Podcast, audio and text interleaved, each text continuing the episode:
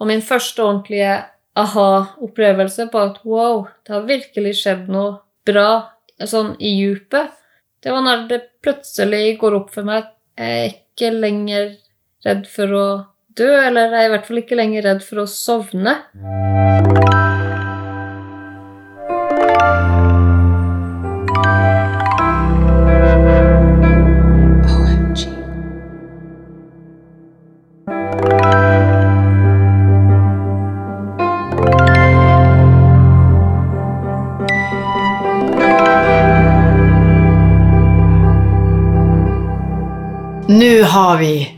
En av jordens pärlor här. För er som har hørt om tidigare avsnitten så nämns det i episod nummer två vad jordens pärlor er for noe? Kommer du ihåg det? Det er vel eh, noen av de som har fått en ekstra stor oppgave. Mm. Ekstra svår oppgave. Ja. Mm. Som man skal lære noe av, eller kan lære noe Mm. av. Og i dag møter vi Trine. Hun har fått noen ganske vanskelige utfordringer tidlig i sitt liv. Ja. Og eh, dette er jo kanskje den episoden som er mer sånn klassisk sånn en sterk historie for virkeligheten. Ja. Og der det åndelige har hatt en stor påvirkning både på en vanskelig og på en god måte, Ja. kan man si. ja, det kan man si. Altså, er, Hvorfor er dette så viktig, det vi holder på å snakke om? Mm. Det er fordi det kan, det kan ødelegge folks liv, og så kan det virkelig eh, forandre folks liv på et, et godt sett. Ja Trine er jo virkelig en av de, kan man si. Ja, hon är verkligen, hon, hon är verkligen de som, som har fått genomgå en omfattande resa Mm. i sitt personliga liv. Mm. Och den typen av andlighet som hon har landat på idag är väldigt inspirerande att höra om. Mm. Veldig spennende. Hvordan, hvordan kom vi i kontakt med Trine? Vi har gemensamma bekanta och så läste jag faktiskt ett, en artikel om att hon skulle hålla ett föredrag om sin uppväxt uppe i Nordnorge. Ehm, och, eller hon hon hade haft föredraget och att det var så inspirerende för så många att Mm. höra på det här. Mm. Så då, Og det handler om en, en, en åndelig vei ut av en stor väldigt Veldig svår situation. Ja. Ja, Mm. det är det. Och att det finns hopp för alla. Det finns inga obotbara. Mm. Sant. Det är väldigt inspirerande på många Ja. sätt. Føltes som en veldig fin liksom, avslutning av første, første sesong av Ja. OMG. Ja, Hva er det vi holder på med? Ja. Ja. ja var, varför är det här viktigt? Skal vi bare kjøre i gang? vi kjører. Takk, Trine for at du berättar.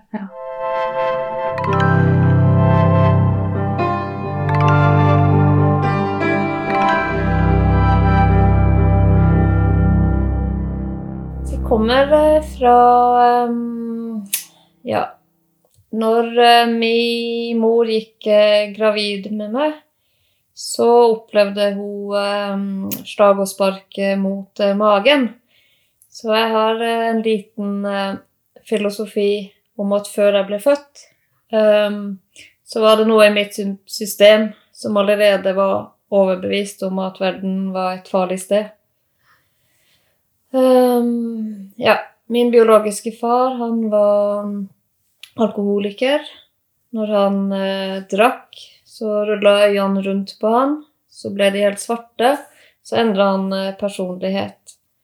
Når jeg var fire måneder gammel, så trua han med å kaste meg ut av fjerde etasjen av en bygning og rett ned i asfalten. Ehm, da jeg var åtte måneder gammel, så løp han eh, etter meg og mora mi og gudmoren mi på bygda oppe i Finnmark en vinternatt eh, med hagla og trua med å skyte oss. Eh, ja.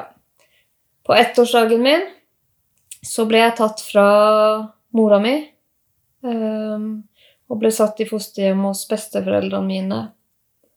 Eh, Den første jula mi etter dette, den feirer jeg sammen med mine besteforeldre og min biologiske far, mens min mor satt alene i ei leilighet.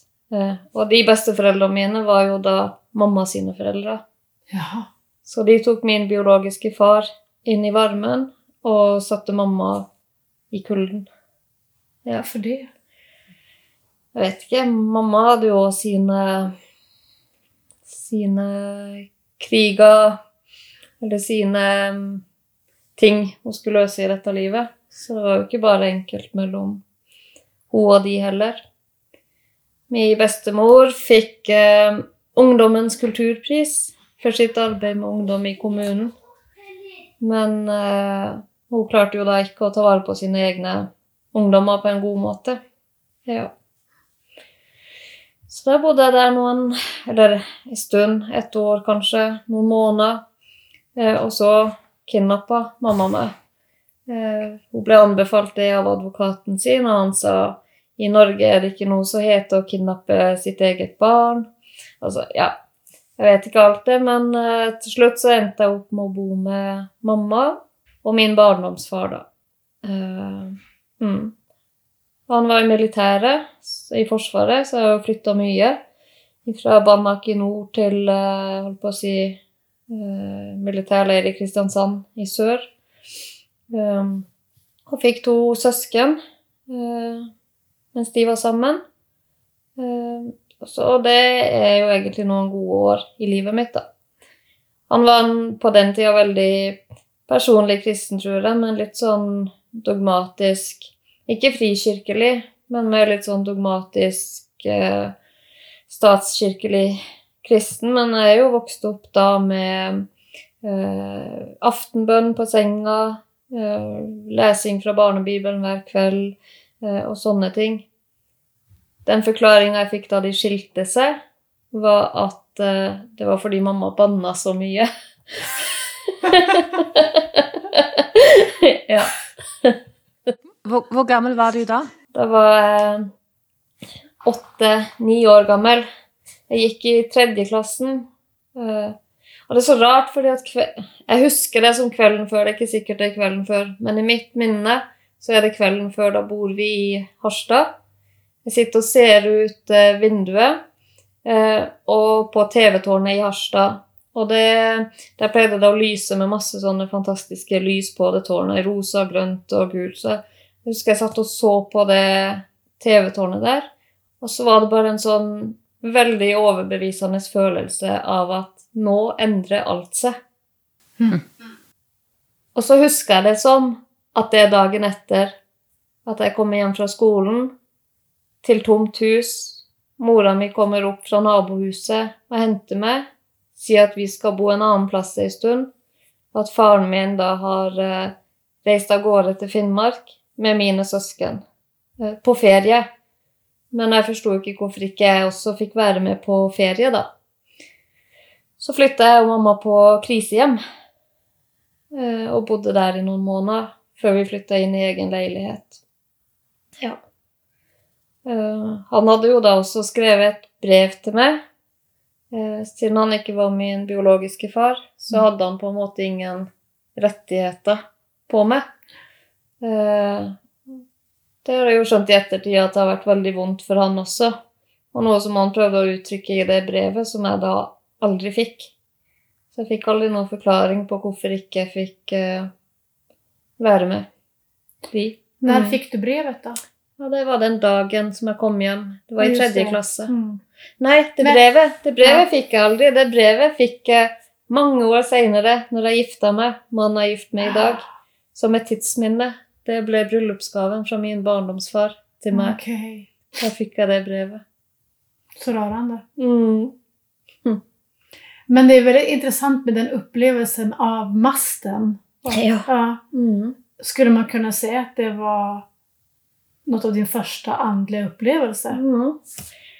Man kan nok det. Jeg har tenkt litt på det der, og så har jeg prøvd å tenke litt hvordan var det i forhold til åndelighet om meg når jeg var liten, sånn før jeg var veldig påvirka av alt det mørke som også kom senere i ungdomstida. Jeg tenker sånn, eh, Den tilknytninga til naturen er jo et finnmarksbarn, så jeg er veldig connection med naturen, egentlig. Eh, og når jeg skulle bli stor, så skulle ikke jeg bli lege eller sykepleier eller sånne ting. Jeg skulle bli indianer, og jeg skulle bli Pocahontas. Mm. Så de andre drømte liksom om å bli den ene og den andre prinsessa, men jeg drømte om å bli Pocahontas. Og jeg tror det, det sier veldig mye om den medfødte, kanskje, åndeligheten min. Mm. Men da du fikk beskjed om at det var mor di som banna for mye, hva, hva følte du om det? Eh, Jeg klarer ikke helt å, å huske. Jeg tror jeg syntes det var veldig rart. Og så Ganske raskt, egentlig, så, så arver jeg jo min mors følelser ovenfor han. Jeg ble jo fulgt med hennes bitterhet og sånn etter hvert. Mm. Eh, Så jeg tror aldri egentlig at jeg fikk gjort meg noen reelle egne opplevelser med det. Eh, Men jeg syns jo det var veldig rart at noen skulle skilles fordi at noen bannes for mye. Jeg bare tenker på om det var en, om, I forhold til det at han var kristen, om du fikk et dårlig inntrykk av kristendommen av det, eller om du tenkte at mor di hadde svikta på noen måte, eller? Det gjorde jeg nok, fordi at når jeg da øh, vokste opp og, og fram mot tenårene, og litt inn i tenårene, så var jeg veldig anti-Gud. Eh, og i mange, mange år så fortalte jeg de historiene om hvordan jeg hadde følt meg tvungen inn i en barnetru eh, og sånne ting. Men de tingene var nok ikke helt sanne, egentlig. I dag vil ikke jeg si at det var sånn det var. Eh, Men det var min opplevelse opp gjennom tenårene. Eh, At jeg hadde fått en veldig påtvungen eh, barnetro som jeg ikke ville ha noe med å gjøre. Nei, så klart. Den var kopplad till Mm. en som hadde svikit din mamma. Ja. Mm. Men, Mm. men hva hendte sen i tonåren da? Ja. ja. Mamma fikk jo en del uh, hyppige bytte av nye relasjoner. Eh, og en av de her relasjonene var med en som var aktiv eh, rusavhengig. Så en kveld når jeg er elleve år, så våkner jeg i natt av at mamma roper etter hjelp. Eh, på det tidspunktet så bor jeg og min lillesøster hos mamma, og min lillebror bor hos faren sin, da nede i Midt-Norge. Så våkner jeg, hører at mamma roper på hjelp. Rommet som jeg og søstera mi ligger på, er liksom litt sånn innerst i leiligheta, så vi er litt innestengt på en måte. Vi må gjennom badet, så må vi gjennom mamma sitt soverom før vi kommer ut i stua og kommer oss ut i gangen og, og sånn. Så jeg springer, løper ut når jeg hører at hun roper etter hjelp og sånn. Og da holder han på å forgripe seg på henne, han eh, eh, som hun er sammen med, da. Eh, og han er jo veldig rusa og sånn. Og da husker jeg bare den panikken at eh, eh, Hvis jeg springer videre ut av leiligheten nå, så forlater jeg lillesøstera mi. Jeg må berge henne ut på en eller annen måte. Og springer jeg inn igjen, så, så, så, så er det ikke sikkert at vi kommer ut igjen. Så det var en veldig sånn eh, panikk og jeg måtte jo få tak i hjelp, for han holdt jo faktisk på å voldta mora mi. Ehm, så jeg sprang inn igjen til søstera mi. Vi bodde heldigvis i første etasje på baksida av huset. Vi klempa oss ut vinduet og fikk kontakt med de som bor oppe, og så kom politi og ja, hele greia. Seinere den natta så ble vi sovende oppe hos naboen, naboene, meg og søstera mi. Jeg var elleve år, ja. Eh, Han sovna av eh, på sofaen. Da lå, det, da lå han avstumpa på den sofaen. Eh, Det var første gangen jeg så ei sprøyte.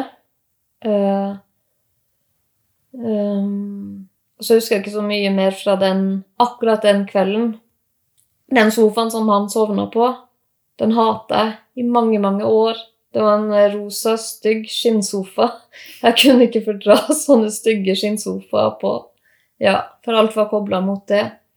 Dagen etter så sier jeg til mora mi at uh, enten så flytter han ut, eller så flytter jeg. Uh, og jeg var den som flytta. Mm. Så for andre gang så flytta jeg i fosterhjem til besteforeldrene mine. Og det sa jo meg veldig mye om min uh, verdi som menneske, som datter, som Ja. Så da begynte jeg virkelig alt det svarte. Og da bestemte jeg meg. Innerst inne på et eller annet barnslig plan så bestemte jeg meg for at uh, jeg skulle bli rusavhengig. Fordi min mor hadde jo bevist for meg at den som er rusavhengig, er den som er verdig til å bli elska. Mm. Ja. Mm. Brutalt. Ja. Mm. Og da begynte det. Begynte litt i barskap. Jeg fant ting i lommen hans. Jeg var veldig ukritisk. Vi prøvde alltid fra å knuse Paracet til å tørke bananskall til uh, Ja. Til Vilka var vi? Ja, jeg hadde en uh, venninne som uh, som òg kom fra et trøblete hjem, Mm. som var på samme søken Mm. som meg sjøl. Ja. Så vi eksperimenterte en del sammen. Mm. Ja. Og da var du 11 år. Mm, det var 11 år. Mm. Mm. Når jeg var 14 år, da hadde jeg vel prøvd alt bortsett fra heroin og LSD. Eh, Alt det som var mulig å få tak i, for meg i hvert fall, oppe, oppe i Finnmark. ja. Eh, Så amfetamin var jo da blitt mitt eh, foretrukne rusmiddel. Alkohol følte jeg at jeg var ferdig med. Jeg hadde på en måte drukket fra meg i en alder av 14. Uh, ja. Men det var jo en sånn konstant søken etter et eller annet. Hva var det som gav... ting måtte du ha gitt deg Mm. i denne perioden. Mm. Veldig mye. Til å begynne med så var det eh, spenning. Spenningssøken, det å få tenke på noe annet, det å liksom kjenne på litt andre følelser enn uh, alt det vonde. Um, helt til å begynne med den rusen som alkoholen ga, som liksom bare døyva alt sammen. Bare kunne slippe helt uh, kontrollen, for livet var ukontrollerbart uansett. Um, men jeg opplevde jo en del ting også når jeg var alkoholpåvirka, som gjorde at etter hvert så likte jeg ikke så godt å miste den kontrollen. Ehm, sånn at første gangen som jeg prøvde speed, eh, så ble jo jeg forelska på med en gang. Da følte jeg at wow, nå har jeg kommet hjem. Eh, Jeg ble våken, jeg ble klar, jeg ble tatt opp på noen helt eh, nye høyder og bare kjente at jeg falt på plass i meg sjøl. Mm. Mm. På en måte. Like kjapt kom jo også rusutløste psykoser og sånn, men det var jo ikke så veldig Veldig Ja. Visste du at man kunne få det? Uh, jeg, er usikker på egentlig hva jeg visste og ikke visste. Mm. Ja. Og hva Hjernen min var jo veldig ung. Eh, Jeg var jo 11-12 år gammel da jeg begynte å eksperimentere. Hjernen min er jo fremdeles i utvikling. Jeg begynner med ganske kraftige kjemiske substanser eh, tidlig i tenårene. Sånn at jeg forsto jo etter hvert at det ikke var bra i forhold til eh, signal, signaler eh, i hjernen min. Men eh, Hvordan merka du det? Husker du første gang du fikk psykose? Eller opplevde noe sånt? ja, det gjør jeg. Det, da sto jeg foran eh, speilet, og plutselig så dukker det opp to øyne oppi det ene hjørnet i speilet, som bare begynner å se på meg. Veldig sånn dømmende, litt sånn foraktelig, litt sånn Ja. Um, jeg hadde jo også da opplevde bl.a. en gruppevoldtekt. Eh, eller var det da? Jo, det var da. Ehm, så det er klart at når man er såpass ung, og når man vanker i de miljøene der, så utsetter jeg meg sjøl for veldig mange farlige og skumle situasjoner. Mm. Jeg ble veldig ukritisk til egen atferd, til egen eh, kropp. um, og alt det som de voksne personene hadde fortalt meg. Faren min bare forsvant uten at jeg fikk noen forklaring på det. Mora mi valgte en rusavhengig foran meg. Besteforeldrene mine var tidvis alkoholikere sjøl. Sånn at jeg og bestemora mi utvikla en Jeg fant tidlig ut at hvis jeg bare drikker litt raskere og litt mer enn det hun gjør Hvis jeg begynner å drikke tidligere på dagen enn det hun gjør, så holder de seg ædru. For da må de ut og lete etter meg. Så det ble en slags sånn uh, oppmerksomhetsgreie uh, mellom meg og bestemor mi, egentlig. Ja. Hvis jeg bare kan stoppe deg der. Hvordan funker altså, Du gikk vel på skole? Du var tolv år, liksom. Ja. Hvordan funka det? jeg? Jeg gjorde det når jeg begynte i Jeg var prakteksemplar av en elev til og med siste året på barneskolen. Den sommeren til syvende så skjedde det noe. Jeg hadde fått så mange gode tilbakemeldinger på hvor flink jeg var, og på hvor dyktig jeg var, og det var aldri noe problem med meg. og Jeg husker faktisk eh, mamma hadde en Det var før jeg Det har vært mye frem og tilbake. Jeg flytta hjem igjen til bestemor mi etter en stund. Mm. Uh, og han, det ble slutt mellom hun og den rusavhengige. Og hun ble sammen med en ny, veldig flott mann fra Italia som jeg fikk et godt forhold til da. Men så, eh, etter jeg var flytta hjem igjen til henne, så hadde de en fest eh, en dag, og da husker jeg jeg hørte gjennom døra at mamma sa til de andre at eh, hun Trine Lise, hun er det aldri noe trøbbel med. Hun, eh, hun er liksom så snill, og det er aldri noe tull med henne. At hun var mye mer bekymra for søstera mi. Jeg hadde fått mange sånne tilbakemeldinger både på skolen, på turen som jeg gikk på, og sånne ting. Det skjedde noe med meg den sommeren, akkurat i forhold til alle de tilbakemeldingene. Hva det handler om, det er jeg ikke helt sikker på, men eh, kanskje det var en slags forvirring eller fortvilelse over at hvis jeg var så snill og på en måte gjorde alt så bra, hvorfor valgte du da han foran meg? Og så sitter du nå og sier at det aldri er noe trøbbel med meg. Kanskje det var noe der? Da endra jeg meg i hvert fall. Sånn utad også. Da ble jeg utagerende i løpet av den sommeren der. Etter hvert så slutta jeg å gå på skolen etter spisefri. Eh, Jeg begynte å røyke mer åpenlyst. Eh, Når det ble spisefri minutt, så slang jeg meg inn i en rånebil. Eh, Og så begynte jeg å drikke i lag med de, i stedet for å gå tilbake på skolen. Når det var kristendom, så, så En gang på en kristendomstime på ungdomsskolen så syntes jeg det var så kjedelig, og jeg hadde lyst til å gjøre ugagn. Så jeg satte i gang brannalarmen. så det var på en måte mitt forhold til kristendom på det tidspunktet der, da. hadde du noen annen form av tro eller var allting sånn bare stengt? Da var det ganske stengt. Og så begynte de her psykosene etter hvert Ja. å gjøre seg gjeldende. Eh, og i de psykotiske opplevelsene, med de øynene som begynte å komme til uttrykk, eh, så kom det også en sånn sterkere opplevelse av å, at Gud, Gud fantes ikke. Det var jeg overbevist om. Men jeg var ikke helt sikker på at djevelen ikke fantes. Så jeg fikk en eh, sterk, sterk overbevisning om at eh, djevelen var min far.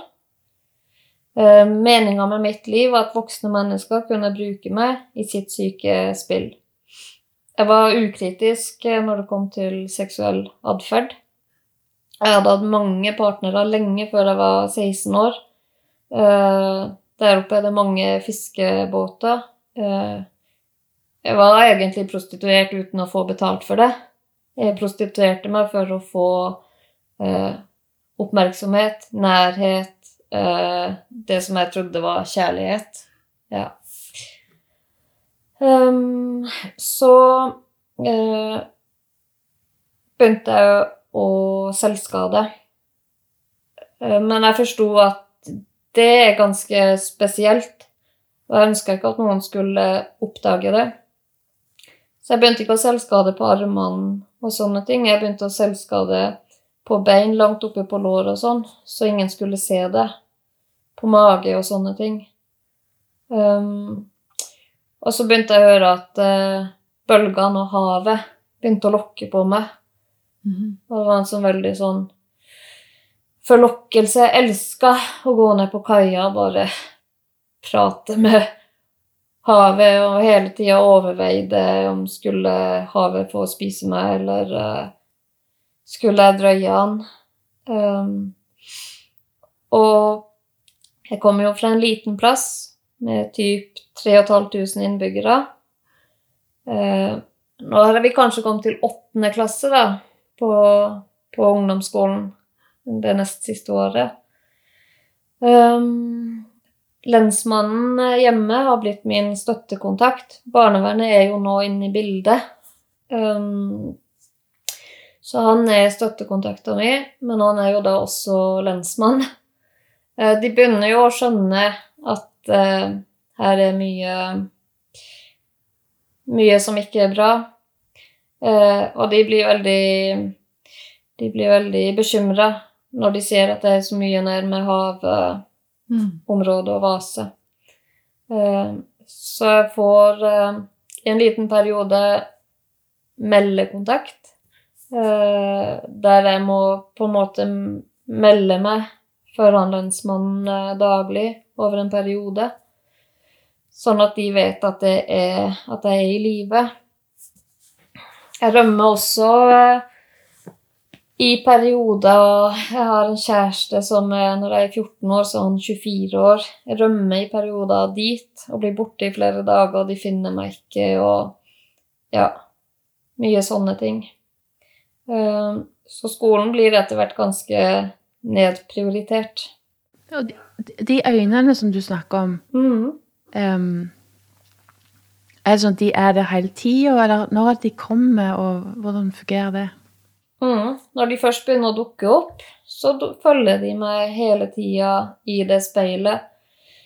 Um, og uh, det er jo i tråd med de at etter hvert den her indre overbevisninga om å være jævelens sitt barn eh, vokser seg veldig sterk. Eh, og jeg får òg eh, beskjeder om å selvskade, sånn at ikke de som jeg er glad i, skal bli skada. Eh, og noen ganger så eh, Jeg finner jo også ut at det er en veldig sånn eh, deilig måte å få ut trykket på. Få ut smerten på. I hvert fall ha litt opplevelse av kontroll. Eh, for hele tilværelsen er jo veldig kaotisk. Så midt oppi alt det her så er det Det må være sommeren til åttende eller sommeren til niende klassen. Så er det en gjeng fra Vestlandet som er oppe langs Finnmark eh, og reiser rundt med teltmøter Mhm. eh, langs kysten.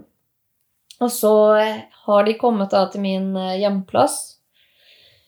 Og eh, loffer rundt sammen med ei venninne. Har ei nykter venninne som alltid var med på slep. Hun var med overalt, på alle fester, på all rølping og alt sånn. Hun rørte aldri en dråpe, ingenting. Hun, bare, hun var alltid med. Eh, og jeg, hun ble veldig nysgjerrig på de her, uh, det svære teltet som sto der. Og vi hørte jo masse sang og musikk fra der inne, og vi så noen folk utfor der av og til, og de så jo veldig koselige og så ut som de hadde det veldig hyggelig. Så vi uh, drar inn på det teltmøtet der.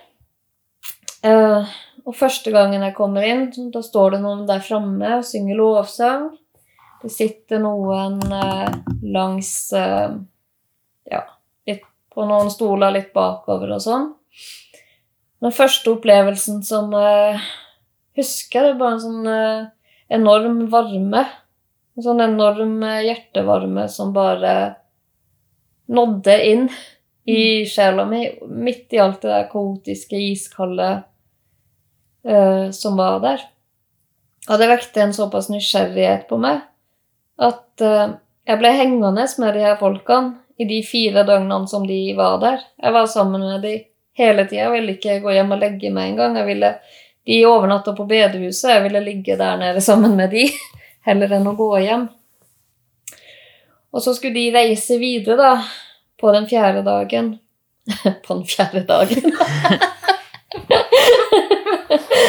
Kan jeg spørre, før du går videre, kan jeg spørre, eh, var du rusa på det tidspunktet, eller var du nykter når dette skjedde? Nei, akkurat de fire dagene der, når jeg var sammen med de, så var jeg nykter. Ja. Mm. Da kjente du at du, det var, at du trengte ikke å, å ruse deg? Jeg tror ikke Nei, jeg vet ikke. Det var vel Jeg tror ikke jeg tenkte bevisst på det. Jeg tror ikke jeg tenkte over at nå er jeg ikke rusa, eller noe sånt. Det bare Men du kjente noe i hjertet da, som gjorde at, at du slapp av?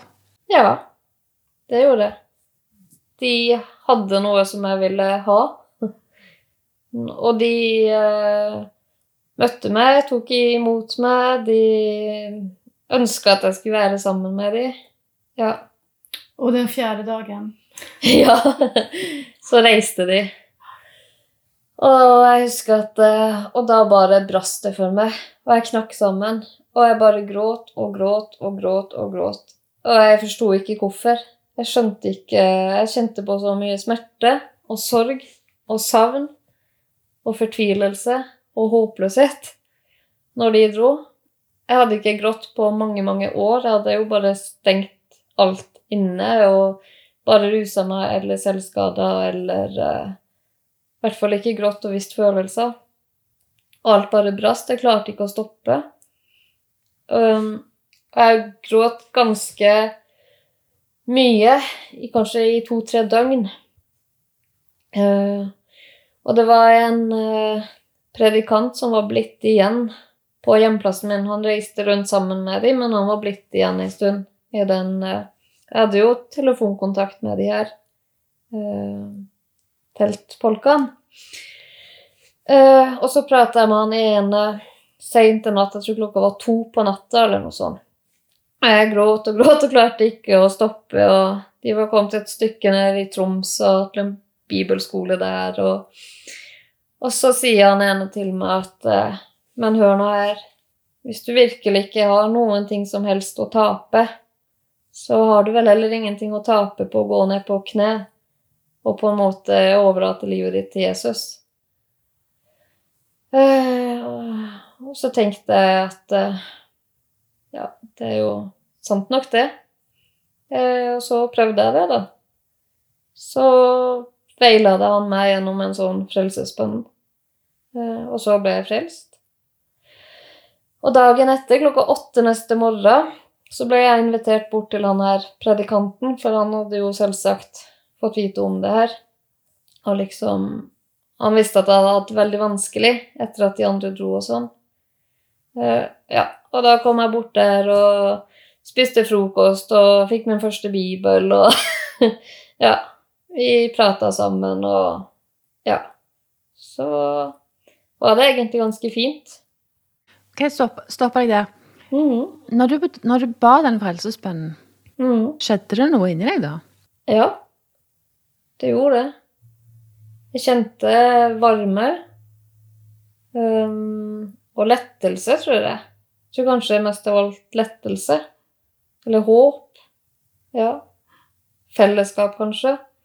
Fordi at jeg gjorde noe felles med han andre Mm. på telefonen. Ja. At jeg liksom skulle få ta del i det som de, hadde. de hadde. Mm. At jeg ble inkludert i det. Ja. Men jeg kjente virkelig noe på innsida også, altså i sjela, at det skjedde en slags forløsning. Mm. Men vad hände sen då med... För då blev du liksom... Då hade du den kontaktpersonen i, Mm. där du bodde. Mm. Men vad hände med, med den gänget du hade umgåtts med och alkoholen? Och... Mm. Eh, så blir jeg med i den lokale baptistmenigheten. Men eh, nå når vi sitter og prater, så kommer jeg faktisk på at i forkant av denne frelsesopplevelsen, og i forkant av de med teltmøter Det har jeg ikke tenkt på før. Men baptistmenigheten pleide å ha ungdomskafé hver fredag. Eh, og lørdag, tror jeg.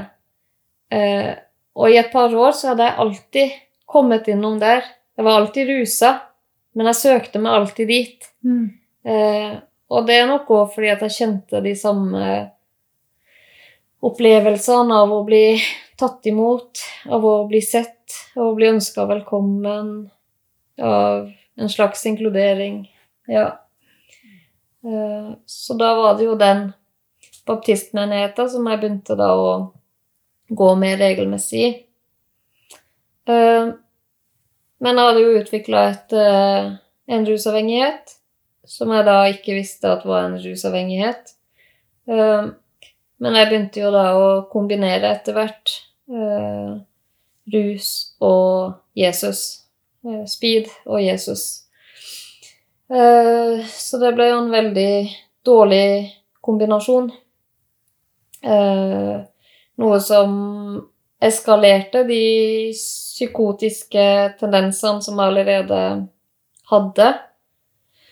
Eh, som eh, ga litt eh, Ga litt bensin på bålet i forhold til det med helvetesangst, Mm. dødsangst. Jeg var et syndig menneske.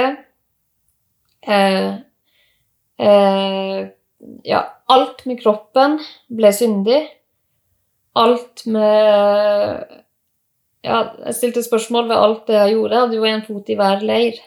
Eh, så i perioder eh, så var jeg rusfri og veldig inne i det her eh, kristne, frikirkelige miljøet. Og i perioder så falt jeg tilbake i rus. Og kombinerte de her to delene. Får når fråga, när du, när du var i den kyrkliga miljön, mm, de där ögonen som hade stirrat på dig, mm. var de kvar då? Nej, inte da. Nej, inte då. Nei, ikke akkurat da. Men når jeg ble psykotisk, når jeg fikk de psykotiske symptomene, så dukka vi alltid opp igjen. Okay. Ja. Uh, Hadde det med at du ruser deg å gjøre, tror du? ja. Altså, så når du var nykter, så eh, kom ikke de øynene fordi at du ikke, fordi at du ikke rusa deg? Jeg tror det er en kombinasjon, for etter hvert så, så får jeg min første eh, tvangsinnleggelse. Eh, på det tidspunktet så er jeg helt rusfri. Men det handler nok om en kombinasjon av eh, eh, en eksternalisering av alt det som jeg kjenner på Mm. inni meg, sånn at jeg begynner å projisere ting utad og ser eh, demoner. Eh, da er det ikke bare et par øyne lenger, men det er faktisk demoner som kommer ut av veggen eh, og skal ta meg. Eh, hvis ikke jeg gjør Hvis ikke jeg er selvskade, eller hvis ikke jeg gjør sånn som de sier. Og det har jo jeg skjønt eh, etter jeg ble rusfri, og etter jeg har gjort en jobb med meg sjøl. At det handler jo ikke om noen ting annet enn min egen selvfordømmelse, mitt eget selvhat, min egen fortvilelse, som jeg ikke hadde noen ord for, eller ikke klarte å romme i meg sjøl. Så jeg var nødt til å gi det et ytre uttrykk, og da ble det gjennom demoner og på en måte bibelske skremselsbilder, fordi at det var den språkdrakten som var veldig gjeldende i mitt liv på det tidspunktet. Så det at du ble kristen, det var på en måte både noe som hjalp deg, og noe som gjorde det vanskelig for deg. Mm. Er det riktig? Ja. Det er det fordi at uh, Jeg pleier å si det når jeg tenker tilbake. Alle de personlige opplevelsene som jeg har hatt med Gud eller Jesus eller en eller annen kraft bortenfor menneskene, har vært gode opplevelser. Udelt gode opplevelser. Alle de tingene der menneskene har på en måte spilt en rolle, så har det blitt veldig, veldig smertefullt.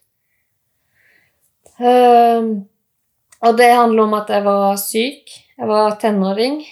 Um, jeg flytta fra Finnmark til Vestlandet. Barnevernet gikk med på at ei menighet på Vestlandet skulle ha ansvaret for meg.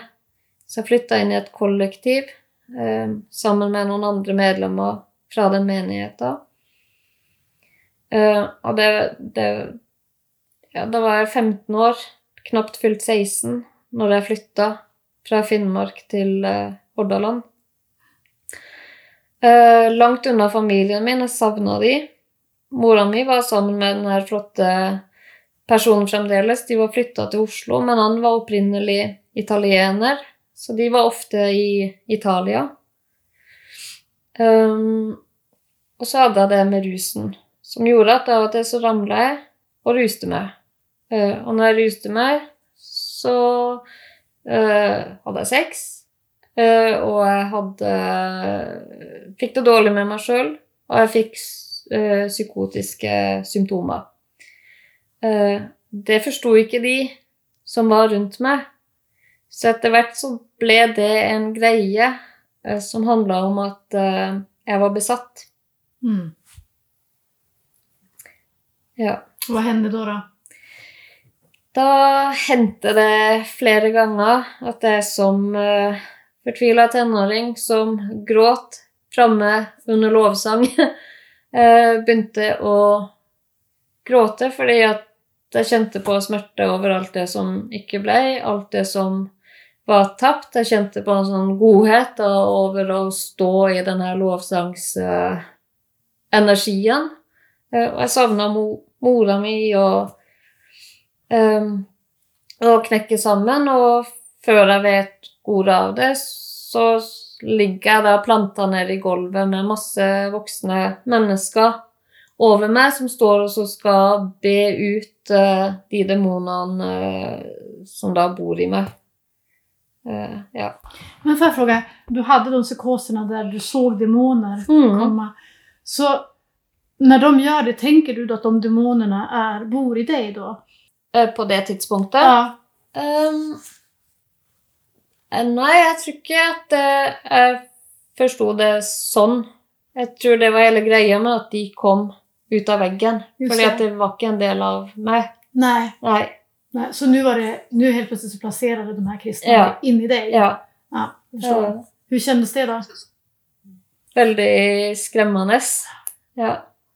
Eh, og, og selvfølgelig så trodde jo jeg da at jeg var besatt. Ja, såklart. For det er at når det står eh, fem, kanskje seks voksne mennesker, noen av de som har mest tillit til av alle i hele verden, uh, som står og bruker Jesu kraft for å jage ondskap ut av meg, så tror jeg jo på det. Ja.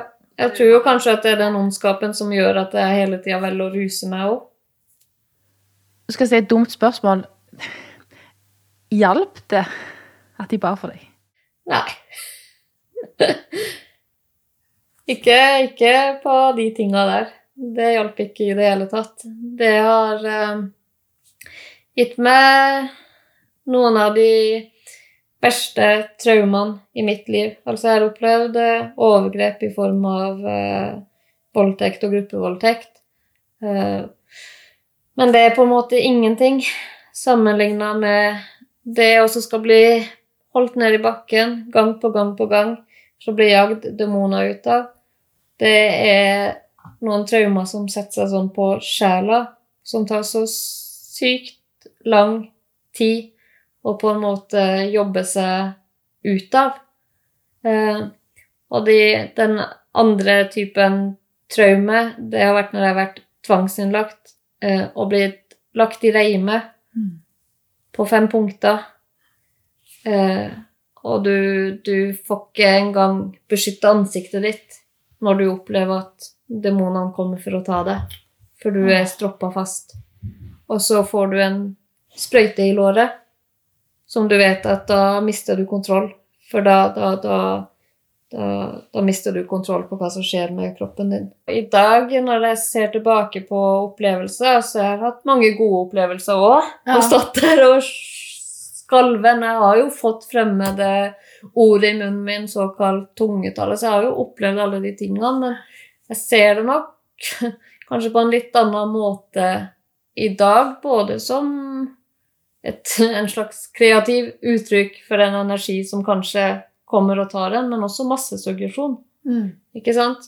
Noen begynner, og så henger man seg på, og så er man med, veldig ubevisst. Mm. Uh, og i mange av de veldig frikirkelige miljøene så har det blitt en greie, ikke sant?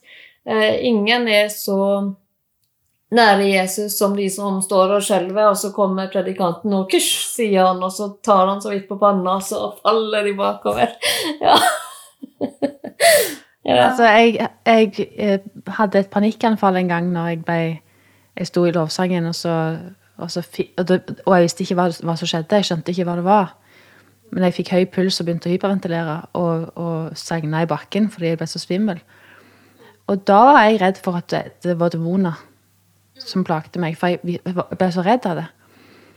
Og,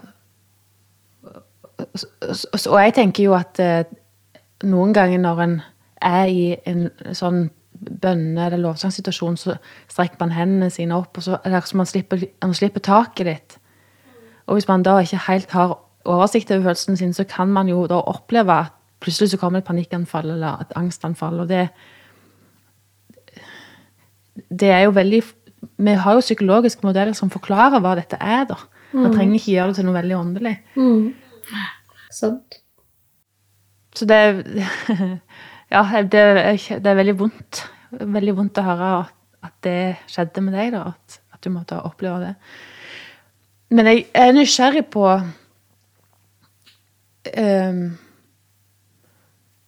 Fordi noen mennesker opplever jo at å, å få en kontakt med noe åndelig roer ned angst, eksempel. Og det sier jo på en måte du også, at, at det var begge deler, da. Ja.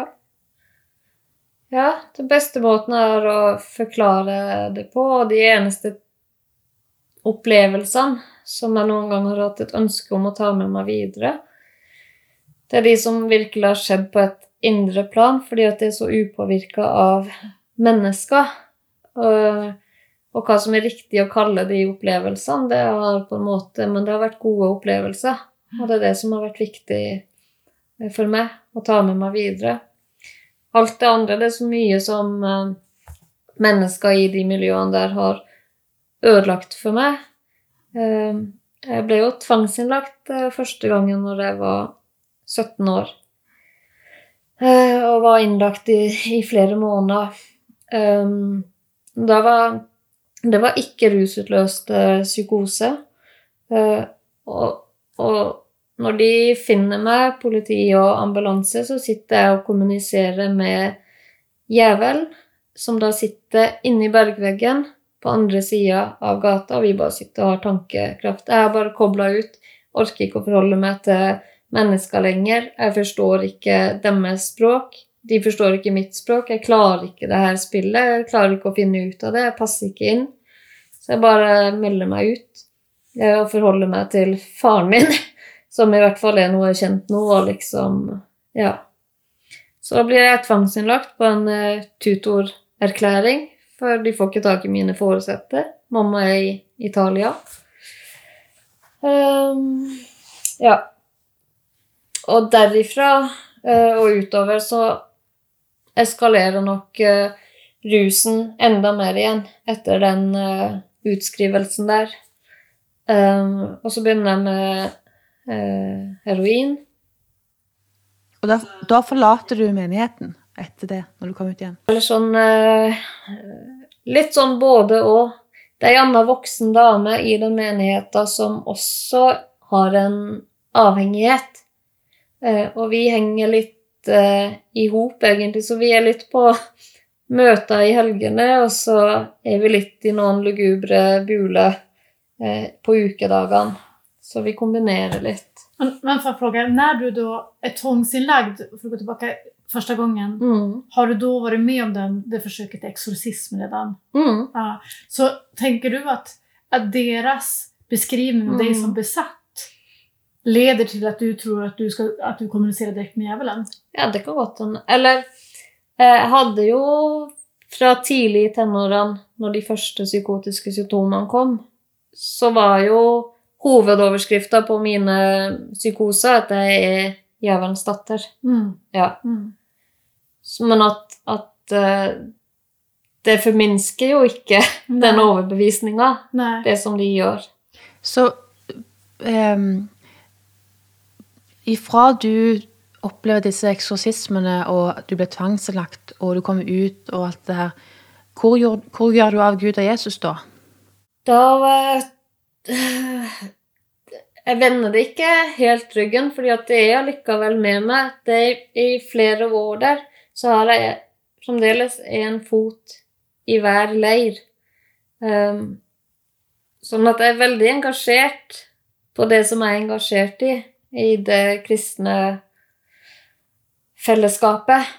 Um, men jeg, har, jeg står også djupt i min egen rusavhengighet.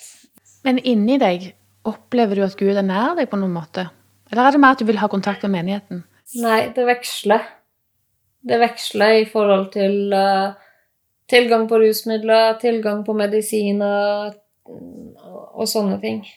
Ja. Jeg ble jo gravid eh, i min første rusbehandling når jeg er 18 år. Mm. Og da tenker jeg at uh, yes, endelig. Der kommer uh, løsninga mi. Der kommer min utvei ut av rusen.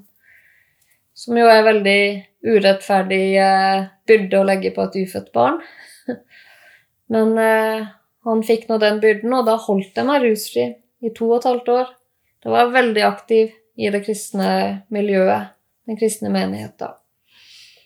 Um, og så flytter jeg hjem igjen til nord, til Finnmark, eh, når han er to, to og et halvt år. Da har jeg vært rusfri siden tre måneder ut i svangerskapet. Så flytta jeg nordover igjen, eh, men jeg har jo ikke gjort noe med min egen psykiske uhelse. Så den bærer jeg jo med meg, og har jo utvikla egentlig litt sosial angst eh, også. Etter hvert. Jeg har jo ingen nære forbindelser med barndomsvenner eller sånne ting. Jeg har ingen nære relasjoner å liksom bygge videre på. Sønnen min var på en måte hele livet mitt. Eh, Så flytta jeg nordover igjen, og så ja, begynner jeg å spille i korps, og så er jeg engasjert igjen i denne baptistmenigheten. Men etter hvert så begynner jeg å kjenne på sånt savn etter mer voksenkontakt. Ikke bare det barnet mitt. Um, og oppe i Finnmark i hvert fall så er det sånn at når voksne mennesker møtes, så er det jo ofte alkohol inne i bildet. Eh, Jeg hadde jo ikke noe problem med alkohol. Jeg var jo ferdigdrukken da jeg var 13 år, eh, som sagt. um, og det var jo andre rusmidler som var mitt problem. Men det som skjedde når jeg drakk, var jo at jeg mista jo hemningen. Uh, og veien tilbake til andre rusmidler ble veldig kort. Mm. Så det gikk ikke lang tid fra jeg begynte å drikke. Og årsaken til at jeg begynte å drikke, det var den eh, eh, eh, lengselen etter mer sosialt fellesskap med andre voksne mennesker, og det å på en måte være litt normal Mm. i et normalt samfunn. For jeg hadde jo bare vært i et rusmiljø og i et kristent miljø. Og selv om jeg var i det kristne baptistmiljøet, så savn, da savna jeg noe mer. Mm. Da var ikke det miljøet i den menigheten nok.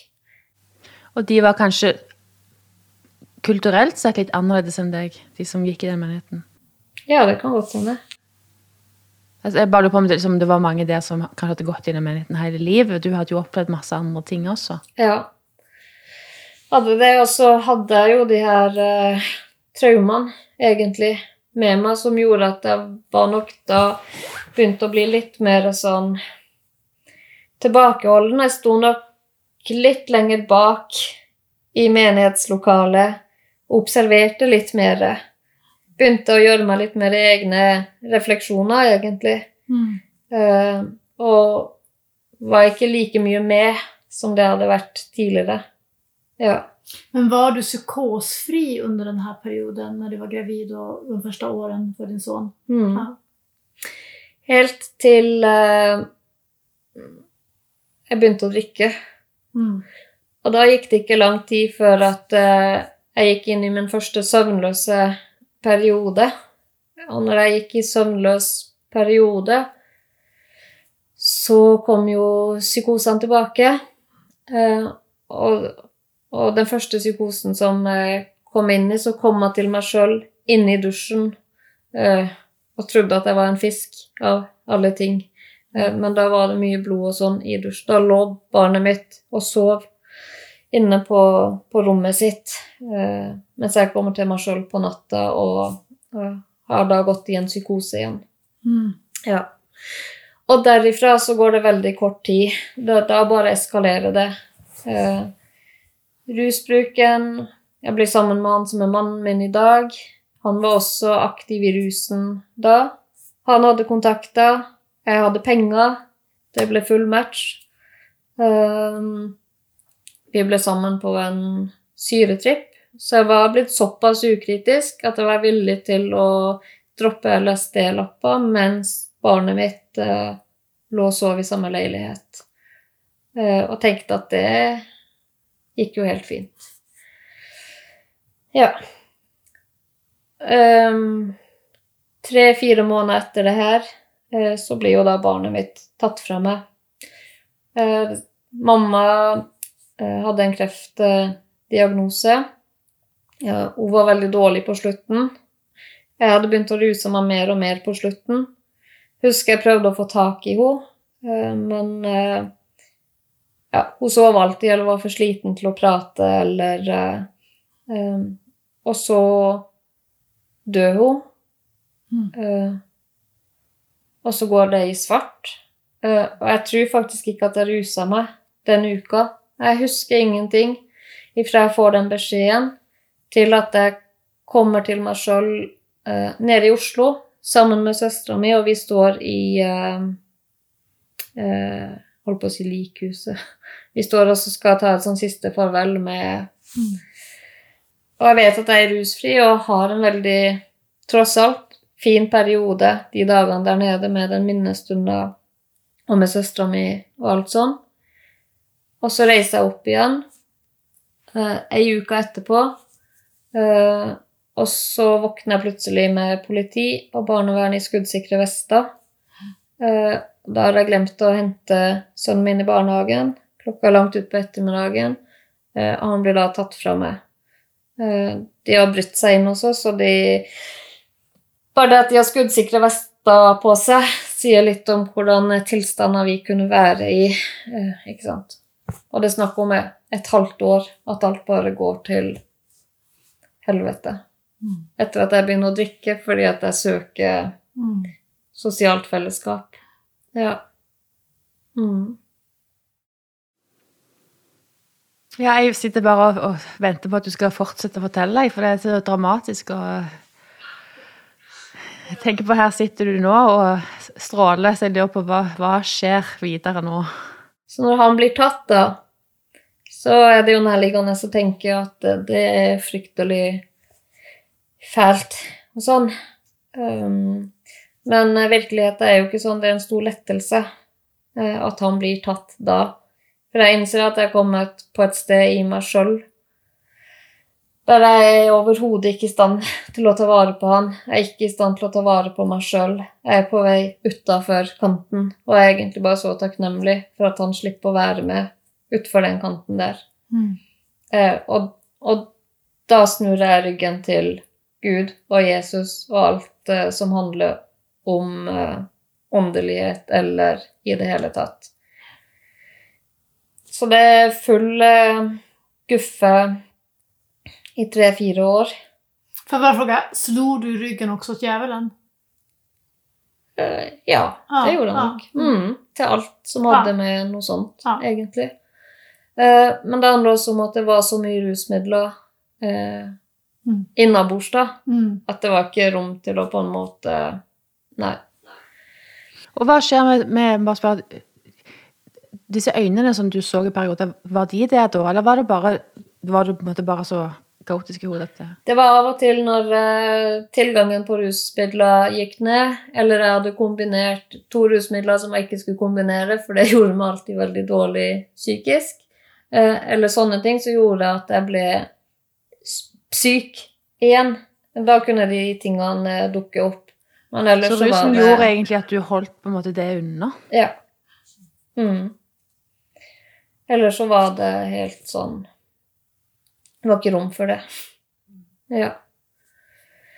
Og så dør far til han som jeg er gift med. Uh, altså, på en måte så ble min mamma sin død ble inngangsporten til det siste stykket mot stupet. Mm. Mens hans død ble wake-up-callen som stoppa både meg og mannen min i å virkelig sette utfor stupet, da. Så vi søker oss i behandling. Eh, han- gammal är du da? Da er jeg 22-23. Mm. Ja. Uh, og da får jo han komme i behandling ganske med en gang. Jeg får ikke komme i behandling fordi jeg da stemples som behandlingsresistent. Så jeg er ikke mottagelig for behandling. Hvorfor sier de det? For der har jeg vært veldig mange ganger inn og ut av ulike institusjoner og behandlinger. Jeg har vært eh, innlagt ni ganger i løpet av åtte år. Mm. Eh, I ulike både rus og psykiatri. Mm. Men har du fått noen har du der noen gang møtt noen person som har kunnet hjelpe deg på noe sett? Nei, men jeg har jo heller aldri dratt i behandling for min egen del. Nej. Jeg har jo alltid blitt sendt i behandling enten av tvang eller av samvittighetsgreier for alle andre. Just det. Ja. Så du har egentlig aldri helt velat? Nei. Nei. Og når du da vil det, så får du ikke? Ja, når jeg vil det, så får jeg ikke. Da er døra lukka. Da sier de at eh, den uh, type tolvtrinnsbehandlinga som jeg har eh, et stort håp om at eh, kan hjelpe meg, fordi jeg har truffet andre mennesker som har vært i den behandlinga, andre mennesker med lignende historie som min egen, i hvert fall i forhold til rus. Eh, jeg har jo sett at de sitter der og er rusfri, at de har det tilsynelatende bra, og jeg vil ha det som de har. Apropos første møte med de på teltmøtet. Um, og jeg er for første gang virkelig eh, motivert for min egen del. Um, fordi at det å bruke rusmidler er smertefullt. Det å ikke bruke rusmidler er smertefullt. Når jeg bruker rusmidler, så går det maks ett minutt, og så er alt bare kjipt. Mhm. Siste gangen jeg rusa meg, så hadde jeg en pose med spy da jeg sa til meg sjøl at det, det der, jeg må bare spyle det i do. Eh, Det er jo ikke sånn at jeg er fysisk avhengig av det. Det er ikke heroin, liksom. Eh, jeg bare jeg klarte ikke, jeg sitter og trykker det inn i armen mens tårene bare triller. Eh, Og så er det 20 sekunder med opptur og kick, og så står jeg kanskje i 12 timer i en krok i et hjørne av leiligheten min, og bare lyset er slått, har ikke noe lyd på, og bare livredd for at det skal komme noen folk. Okay. Og hver gang jeg ser meg i speilet, så ser jeg bare et her porselensdukkefjes. Altså alt er bare glatt, livløst, leppene knallrøde, øynene klinkekule klinkekulesvart, og det er virkelig bare øh. Og jeg er så glad for at det er mitt eh, farvel Mm. med rusen. At det ble såpass Ja. Det er det som alltid har gjort at jeg ikke har gått tilbake. Mm. Ja. Fordi du får ikke behandlingsplass, men du slutter likevel på egen hånd, da? Ja, så har jeg en person i det kommunale psykisk helsetjenesten, da, som eh, møter meg som eh, medmenneske. Hun har jo da mista sin mann i tunge tungekreft Jeg mista min mamma i brystkreft. Eh, Hun er ikke profesjonell. Hun er medmenneske. Mm. Hun møter meg som et medmenneske. Vi deler sorgen med hverandre. For hun spiller ikke diagnoser, eller det spiller ingen rolle. Um, så hun er den støtta som gjør at jeg kommer meg Hun hjelper meg i en ankeprosess også. Og i og med at mannen min kommer i den behandlinga som jeg òg vil, eh, så får jeg reist et par ganger på besøk dit, og får da med et anbefalingsbrev fra psykolog og overlege på den klinikken som anbefaler helsetjenesten hjemme å gi meg en sjanse. For vi kan ikke si hva som kom først av høna og egget. Vi kan ikke si hva som er igjen før en person har vært rusfri i minst et år. Mm. Så kan man begynne å se på hvordan symptomer er det da som er igjen, og så kan man faktisk jobbe med det. Ja. Og da starter min eh, min eh, ekte åndelige reise, egentlig, som er bygd på ekte spirituelle opplevelser som, som eh, Ja. Mm. Og den er jeg spent på å høre om. Nei, så kommer det Det er jo en type tolvtrinnsbehandling, da. Eh, og de tolv er jo bygd opp på en veldig genial eh, måte, og det er jo et åndelig program, sier vi, som er bygd på åndelige prinsipper. Og akkurat de prinsippene, som kan være ærlighet, tillit, trygghet, åpenhet, det ble min gud til å begynne med. For det sier seg sjøl at jeg hadde utrolig mange traumer med meg mm. når jeg skulle bli, bli rusfri, og spesielt i forhold til det med religiøsitet, eller Det er jo et veldig mm, trykk på det gudebegrepet i tolvtrinnsprogrammet, noe som man måtte jobbe med lenge eh, for å på en måte kunne gjøre det til mitt. Eh, og gjennom å jobbe med den prosessen så ble det så lettelse for meg at jeg visste så godt hva jeg ønska at Gud ikke skulle være for meg. Jeg visste kanskje ikke hva Gud skulle være, men jeg visste hva det ikke skulle være. Eh, Så det ble min første sånn lille nøkkel, da. Og at eh, eh, jeg kunne gjenkjenne om noe kjentes godt ut og ga en varm følelse, eller om det kjentes vondt ut og ga en kald følelse. Og at jeg ville ha mer av det varme inn i livet mitt. Mm. Det var det første babysteps på åndelighet og det å velge gode opplevelser for meg sjøl. Og så hadde han enorm dødsangst. Jeg var livredd for at jeg skulle dø i løpet av natta eh, og våkne opp i helvete. Det beskrevne Mm. eh, svovelhelvete som de hadde fortalt meg om. Um, så jeg var livredd for å sovne på kveldene. Uh, og min første ordentlige aha-opplevelse på at wow, det har virkelig skjedd noe bra sånn i djupet, det var når det plutselig går opp for meg at jeg er ikke lenger redd for å dø, eller jeg er i hvert fall ikke lenger redd for å sovne på kveldene, og da hadde jeg vært rusfri kanskje i ett år, så så lang tid tok det før at det begynte å liksom uh, gi litt slipp, da. Det, og det er mange, mange, mange år etter at jeg blir utsatt for de her uh, religiøse overgrepene. Det er jo egentlig det det var. Um, og så begynner jeg å holde litt på ute i hagen, i bed, plante litt blomster og sånne ting. Og så begynner jeg å legge merke til at oi, eh, trærne prater. Mm. Vinden eh, spiller musikk i bladene, i greinene. Eh, og når vinteren begynte å snike seg på, eller når det gikk fra vinter til vår, da var det en veldig spesiell knitring i trestammene. Og at jeg begynte å legge merke til de her tingene, var som veldig åndelige opplevelser for meg. Det kom sånne møll flygende, og i stedet for å tenke på en møll som en møll, så begynte jeg å legge merke til at wow, den har jo skikkelig flotte eh, sjatteringer, eh, former eh, Så begynte å Livet begynte å leve rundt meg, fordi at plutselig så begynte jeg å leve sjøl.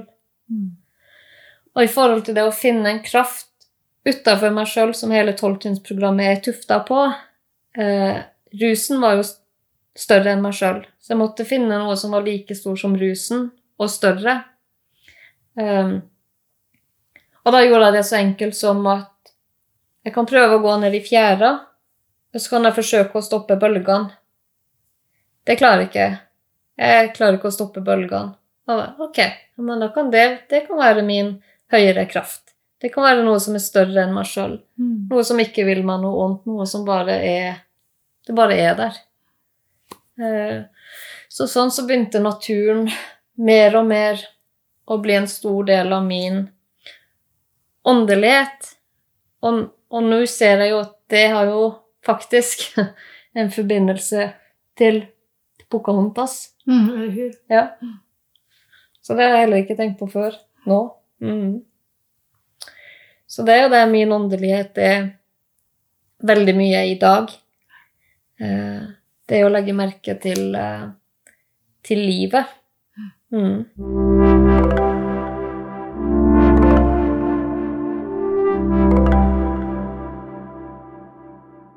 Og så brukte jeg lang tid, ikke sant, på på de her eh, sårene skulle gro eh, i forhold til Det gikk lang tid, det gikk kanskje tre år for at jeg, at jeg ikke kjente en sånn instinktiv eh, motstand når noen nevnte gudebegrepet. Men at jeg liksom måtte stadig minne meg sjøl på at eh, det er bare et begrep. Nå må du huske på hva betyr det her for, for meg. Hva, hva er mitt Mm. kjente gudebegrep. Ikke det der gamle som jeg ikke vil ha. Jeg hadde vært rusfri kanskje fire år. Så kommer det noen nyfrelste inn på et møte, på et sånt tolvtrinnsmøte som jeg går på, da. Eh, og de ville jo fortelle om sin opplevelse med Jesus og sånn. Eh, det såret mitt var da fremdeles så åpent at jeg klarte ikke å være på det møtet. Jeg måtte røyse meg opp og gå tenke meg litt om. Og så gikk jeg inn igjen. Eh, men men eh, det, det eh, sier noe om hvor, hvor djupt sånne type sår sitter. I dag har jeg ingen problem. Jeg kjenner meg veldig igjen i alt det. Og til og med nå når jeg sitter og leser teologi og teologihistorie, så må jeg på en måte Jeg må ta en ordentlig pust i bakken innimellom, fordi at jeg blir så satt ut av sånne sånne sinte menn i kirka som har sagt at Gud skal dømme folk som ikke lever rett. og Det er, det er ordentlig utfordrende for meg å, å studere disse tingene. For at eh, jeg må hele veien holde fast i den nye guden jeg har funnet. For jeg risikerer å, å måtte kaste den guden også. Og det kan jeg ikke, for den har vært så god for meg. Så det er virkelig sånn Ok, dette, dette var den gamle guden. Den, den nye guden, den er, ikke, den er ikke, den er ikke sånn. Nei, men, men en sak jeg kan fråga er båda da. Det er altså tror ni att det finns människor som har varit i den typen av baptistmiljø som du var? Eller liksom, som bara tycker att det här är fint och bra? Är det en bra miljö för några personer? Ja, det tror jeg. Jeg tror det. Jeg har jo hatt spiseforstyrrelser. Og jeg tror nok de var utløst ganske mye av det miljøet som jeg vokste opp i. Det er en form for selvskading, kan man si. Eh, Det er også en måte å ha kontroll på. Eh, Og jeg tror at noen mennesker som lever i miljø der troen er veldig sånn tydelig, og det er veldig tydelig hvordan du skal leve, og hva du får ut av å leve på den rette måten, det kan føles veldig godt og veldig trygt. For du, du, du, har på en måte en oppskrift på hvordan livet skal være. Og hvis du da på en måte er ganske flink til det, så kan det oppleves veldig godt. Og mitt problem var jo at jeg øh, svikta på en måte det som jeg trodde at Gud ville at jeg skulle gjøre. Og da ble den fallhøyden så enormt stor. Og da ble det veldig usunt for meg. Så jeg tror det korte svaret er at for de som får det til, så er det bra. Og for de som ikke får det til, så kan det være veldig destruktivt. Og Derfor så, så er det også vanskelig å kommunisere dette til folk som får mye ut av det. Det er et stort skille mellom de som er kristne eller muslimske eller buddhistiske, men som har en trosoverbevisning, en åndelig overbevisning, som kommer fra hjertet. Mm. Eh, for de uttrykker virkelig godhet og varme, og det spiller på en måte ingen rolle hva man pakker det inn i Nei. for religiøsitetsboks. Mm. Eh, For det medmenneskelige, det, det er det som betyr noe, den varmen. Og så er det jo da dessverre de som spiller ut en del andre ting og skal overbevise, skal frelse, eller skal på en måte som blir relativt radikale og, og litt trangsynte i møte med mennesker som ikke er innafor den boksen, da.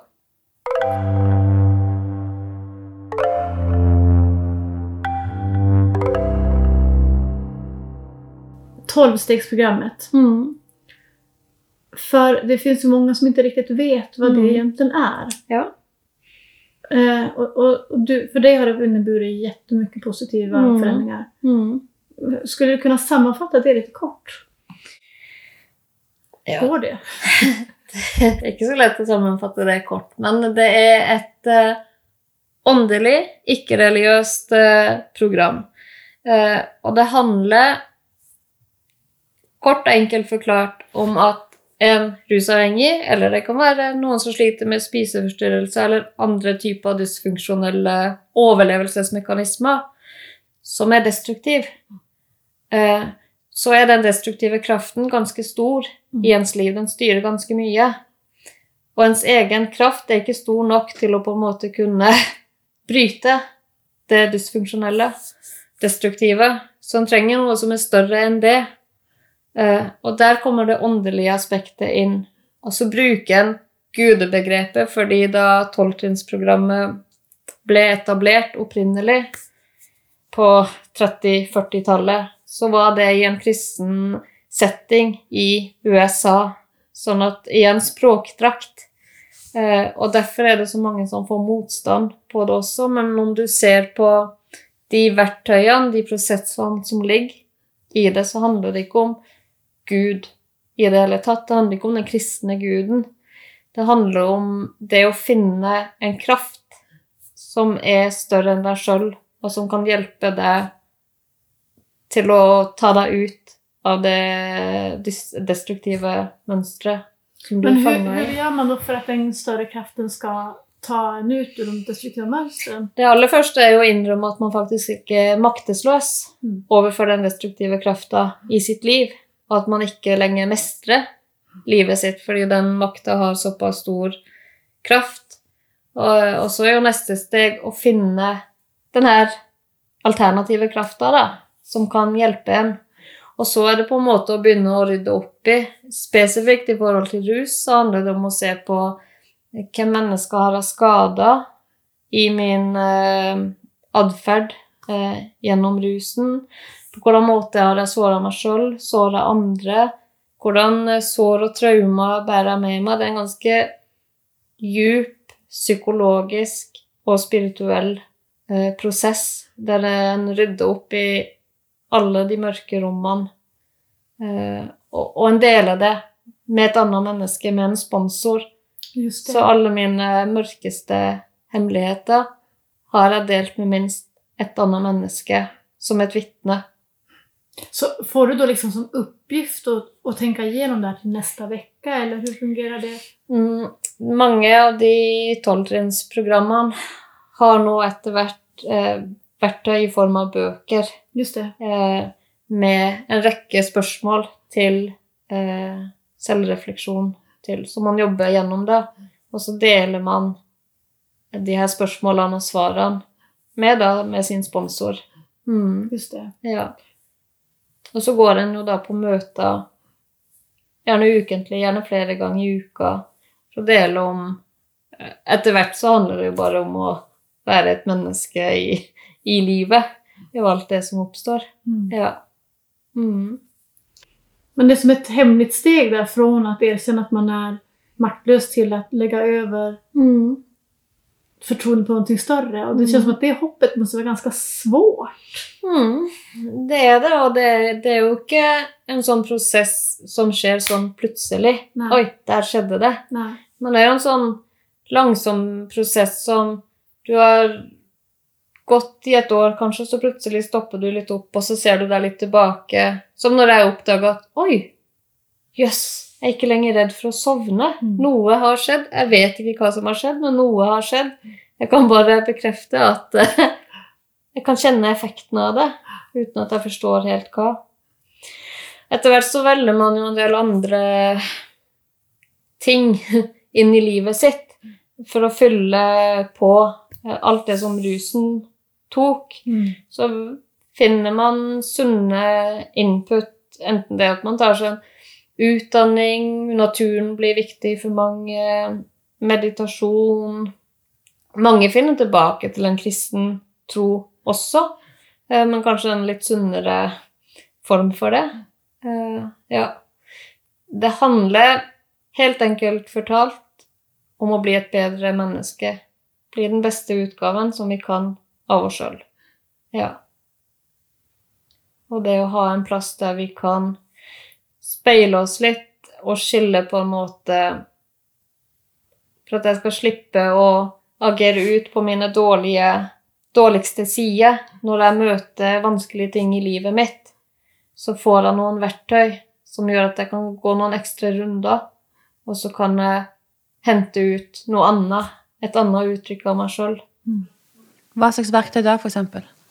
Heller enn å agere på sinne og bitterhet, så kan jeg trekke fram takknemlighet. Mm. Eller jeg kan eh, praktisere tilgivelse, da.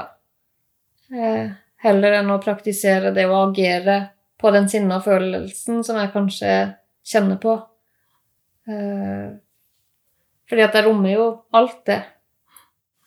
Men før, når du ble fortalt at du burde gjøre sånn eller sånn, så fikk du jo mye vonde følelser av det. Hvorfor skjedde ikke det nå? For det er ingen som forteller meg hva jeg må gjøre eller ikke må gjøre. Det er helt opp eh, Alt er opp til meg sjøl. Mm. Ja. Hva som er den høyere kraft for meg, har hele veien vært opp til meg sjøl å definere. Det er ingen som har lagt noen føringer eller uh, uh, Så som sagt, mine første babysteps med å nærme meg en høyere kraft var det med naturen, for der fikk jeg gode opplevelser. Det med at eh, ok, det finnes i hvert fall en større energi, en energi som styrer bølgekrafta. At den energien eh, må jo være mye større enn meg. Eh, Antagelig større enn rusen òg. ja. Men jeg tenkte på det når du berettet forut, at når du bad frelsningsbønnen, så kände du varme i deg. Mm. Den typen av värme, Mm. har du känt den också med tolvstegsprogrammet? På samme måte som første gangen jeg kom inn på teltmøte. Akkurat de samme følelsene som jeg kjente på første gangen jeg kom inn på et tolvtrinnsmøte. Da måtte jeg komme på et såkalt åpent tolvtrinnsmøte, for da var jeg også innlagt med tvangsvedtak. Jeg hadde Mm. fotfølge, så personalet måtte være med meg ut på det møtet. Og allikevel den varmen eh, som de menneskene der møtte meg med, Eh, og så handler det om gjenkjennelse.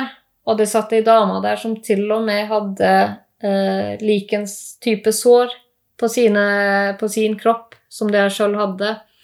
Eh, og hun hadde vært på isolat i et år, liksom. Så eh, ja. Och alla de psykiska problem du hadde haft, Mm. De forsvant bare? Nei, de forsvant ikke bare. Det har også vært en lang prosess, men mange av de eh, ble borte um, og ble dempa. Men jeg fikk med nye og andre verktøy til å kunne møte meg sjøl på. Mm. Eh, og etter hvert som jeg fikk rydda opp i en del ting Klart jeg hadde masse skam, jeg hadde masse skyldfølelse. Jeg hadde rusa fra meg sønnen min, og han hadde bodd i fosterhjem. Eh, jeg fikk aldri tatt farvel med mamma. Jeg hadde mye sorg og smerte over min egen barne- og ungdomsperiode. Det, å få begynne å rydde opp i en del av de her eh, tingene gjør mye med min egen selvfølelse etter hvert også. Egen, min egen opplevelse av, av verdi. Eh, og da er det jo en del psykisk uhelse som, som blir borte. Mm. Eh, og så kunne jeg se etter hvert hva det var som eh, hang igjen. Skam Mm. er min store overskrift eh, i livet, som jeg fremdeles kan kjenne litt på. Eh, I noen sosiale settinger og eh, Så jeg har noen sånne ting som, som fremdeles henger ved, men jeg rommer det i meg sjøl på en helt annen måte enn det jeg gjorde før. Det styrer meg ikke, kontrollerer ikke livet mitt. Det er noen settinger jeg unngår eh, å plassere meg sjøl i, fordi at jeg kjenner at i dag er ikke dagen der jeg har nok krefter eh, til å stå godt i en sånn situasjon, så da velger jeg å, å heller takke nei, eller Ja. Så jeg finner heller sånne må Også det å prøve å heller normalisere ting litt, Mm. i stedet for at jeg sykeliggjør og setter alt i diagnosebokser, eller eh, Og så er jeg jo veldig glad for det begrepet høysensitiv, da. Ja. Så jeg syns jo det er bedre å kalle meg sjøl for høysensitiv enn emosjonelt ustabil personlighetsforstyrra. Ja, ja. Ja. Så uh, finne noen sånne smarte løsninger for meg sjøl som, som bygger meg opp i stedet for å bryte meg ned. Men det er ganske interessant, for det her hva er psykologi og hva er andlighet Mm. og hvordan henger de to sakene ihop? Ja, ikke sant?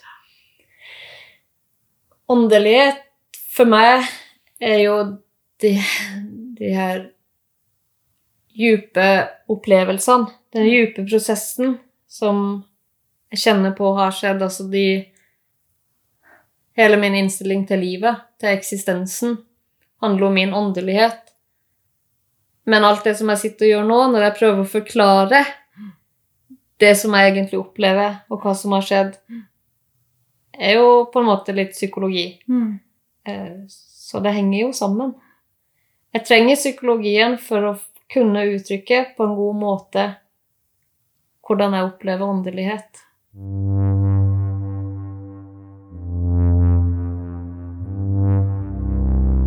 Jeg har vært rusfri i 14 15 år. Eh, I lang, lang tid så var det litt trøblete før at det begynte å gi en viss Jeg begynte å bli eh, stabil nok i min egen overbevisning om hva de tingene betydde. I 2012 så meldte jeg meg inn i eh, noe som heter Amork, eller Rosenkorsorden, som i sin innpakning egentlig har en veldig egyptisk eh, innpakning. Men de tre søylene er jo annet gnostisisme, som jo er en kristen form for mystikk. Mm. Og så er det Kabbalah, som er den jødiske mystikken. Eh, og så er det det med, med alkemi, åndelig alkemi. Jeg syns jo det med mystisme er veldig spennende, så det har jo blitt en stor del av min åndelighet. Og i den innpakninga med abork, da, så har jeg jo da nødvendigvis måttet nærme meg det her enda mer. Mm. Eh, det har også vært en litt sånn lang, men samtidig god prosess. I dag så sitter jeg og, og kjenne på gode opplevelser når jeg blar i min gamle bibel.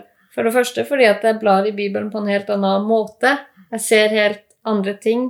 Jeg ser på det som veldig spennende um, uh, Ja, sånn bilder på noe djupere, da. Jeg, jeg, jeg leser ikke lenger Bibelen bokstavelig.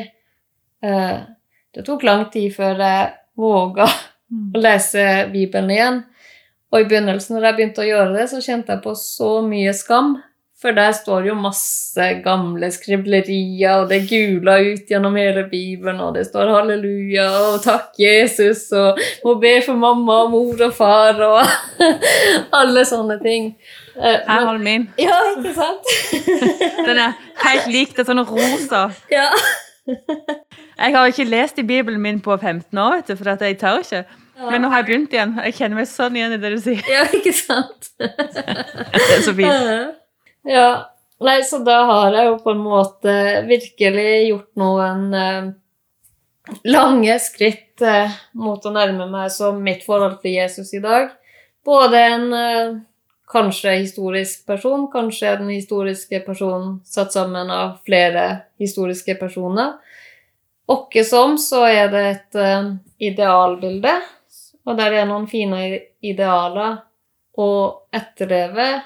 Um, jeg ser Jesus både som en historisk person, som en mytisk person, og, uh, men jeg ser ikke på Jesus som min frelser.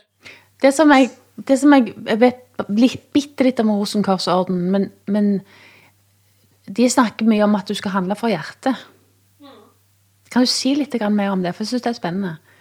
Ja, det går veldig hånd i hånd faktisk med min tolvtrinnsprosess også, som eh, handler om det å bli den beste utgaven av en sjøl. Og i forhold til Rosenkors-filosofien så anser en Jesus som en mester. Eh, um, som noen prinsipper å strekke seg etter, ikke som en faktisk skikkelse nødvendigvis, eh, men det som hele bildet Jesus innebærer. Og det kan jeg nærme meg i dag og kjenne at på den måten så har jeg Jesus i hjertet i dag. Fordi eh, der er noen verdier og noen prinsipper eh, som gjør meg til en bedre utgave av meg sjøl, og som gjør at jeg kan følge mitt hjerte. Når du, var, når du hadde det som verst, fanns det någonting man kunne gjøre?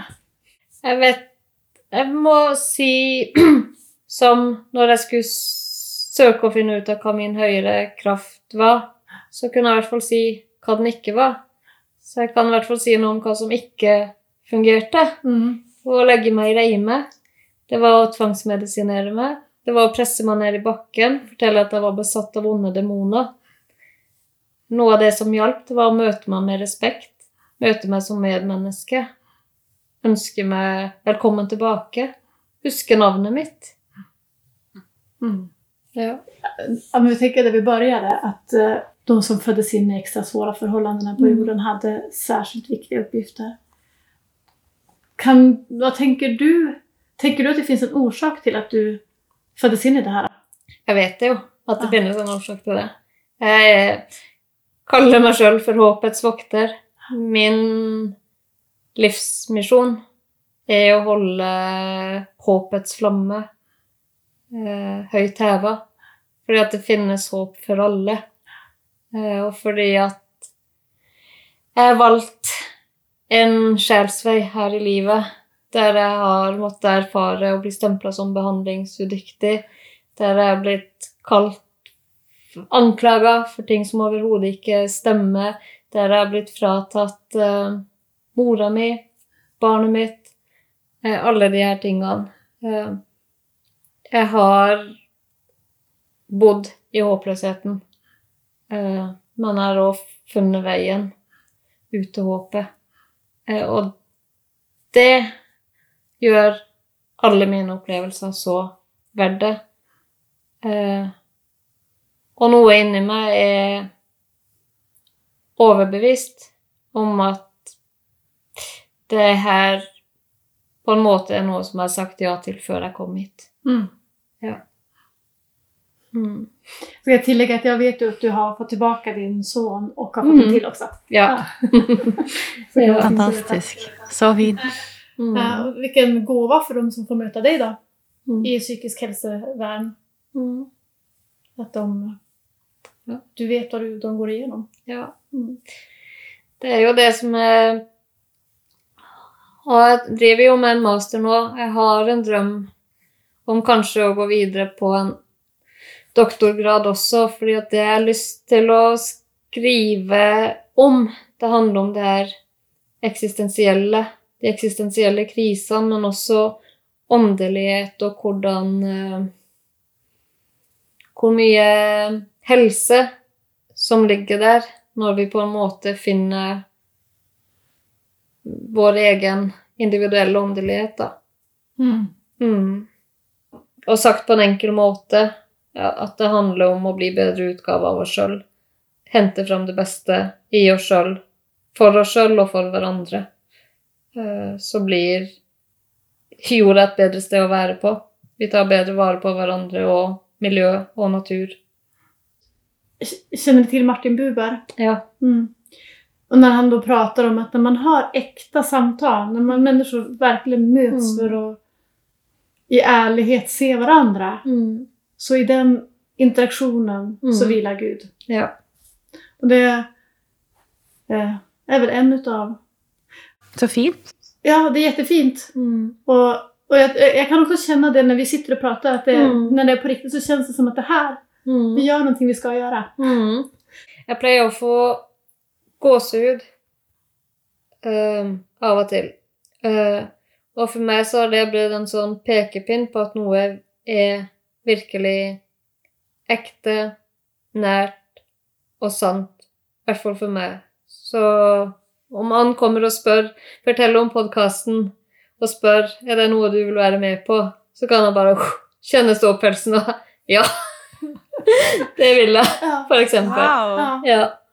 Det er en sånn indikasjon for meg på at noe på et djupt sett virkelig er Ja, go for it. Ha, Ja. fantastisk. Det er jo Ja, tolvtrinnsmodellen og det som du sier, Ann Det som du sier nå, Trine, det med at man på en måte møter hverandre i ifra hjertet. Ærlig, oppriktig, med et godt, en god intensjon. At det ikke nødvendigvis handler om at man skal be til en eller annen gud, men at man man forandrer verden når man faktisk kommuniserer med hverandre på den måten der. For jeg, jeg blir jo forandra av denne samtalen også. Jeg er jättetacksam at du ville være med.